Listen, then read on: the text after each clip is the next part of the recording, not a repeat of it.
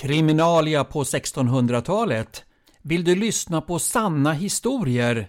Olika rättsfall som handlar om mord, dråp och dödsdomar runt omkring på Falbygden. Jag misstänkte väl det och därför så kommer jag läsa upp åtskilliga sådana ärenden. Både långa och korta och sådana som slutar med avrättning eller att de blev frikända. Sånt vet man aldrig i förväg. Kriminalia Rättsfall från Falbygden runt mitten av 1600-talet som berör mord, dråp och dödsdomar.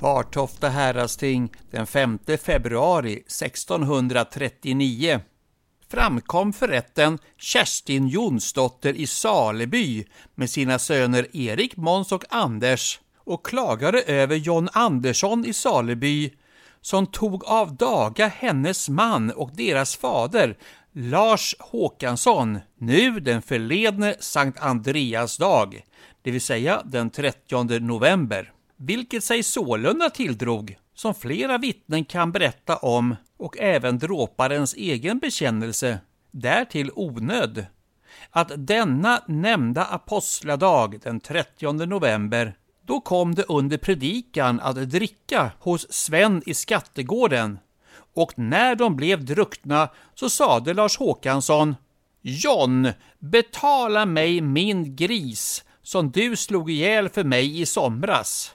Då svarade John Andersson Din hustru begärde en halv skeppa spannmål för den. Det ska du få, det vill säga 15 liter. Sven som de satt hemma hos medan de drack, sade Broder, du föder inte upp ett stort svin med en skeppa korn. Ge honom mer. Då blev de därom förlikta och slog händerna ihop och när de hade suttit en stund sade Lars Håkansson John, du har rövat mig en rängla som jag har haft som takfäste. Då svarade John Andersson jag brukar inte röva från mina grannar. Din son Erik bar den till mig och jag gav honom en stock igen. Jag tackar Per Eriksson att han lånade mig en stock. Då sade Per Eriksson till Lars Håkansson att tiga tre gånger. Då steg John Andersson upp och gick på golvet fram och tillbaka. Men när Lars Håkansson förstod att han ville göra honom skada då reste han sig upp och i detsamma tog John upp sin kniv och slog Lars Håkansson i huvudet så att det gick genom skulten ner i hjärnan. Nio dagar därefter blev han död. Strax när John Andersson hade gjort skadan gick han hem och var sedan stilla intill dess Lars Håkansson var avsomnad och rymde inte förrän Lars barn antastade honom med sin släkt och lade ärendet i kronans befallningsmans händer. John Andersson bekände att trätan och dråpet orsakas på det sätt som är sagt ovan. Därför sköts samma mål till häradsnämnden för att ge en dom i saken. Då var deras mening att eftersom John Andersson utan någon rättmätig orsak och av övermod utfört dråpet samma dag som Lars Håkansson avsomnade.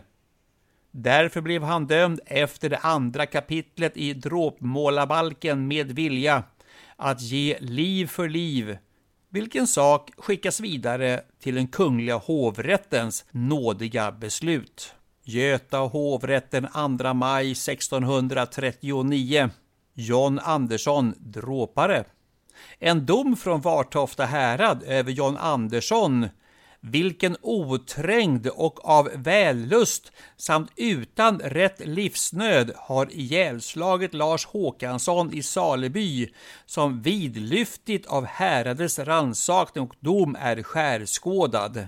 Beslut Eftersom John Andersson detta dråp utan rätt livsnöd har begått så är han fångad på färska gärningen, eller tagen på bar gärning som vi säger numera. Därför kan han inte benådas livet, utan ska andra till varnagel justificeras, det vill säga avrättas, utan uppskov.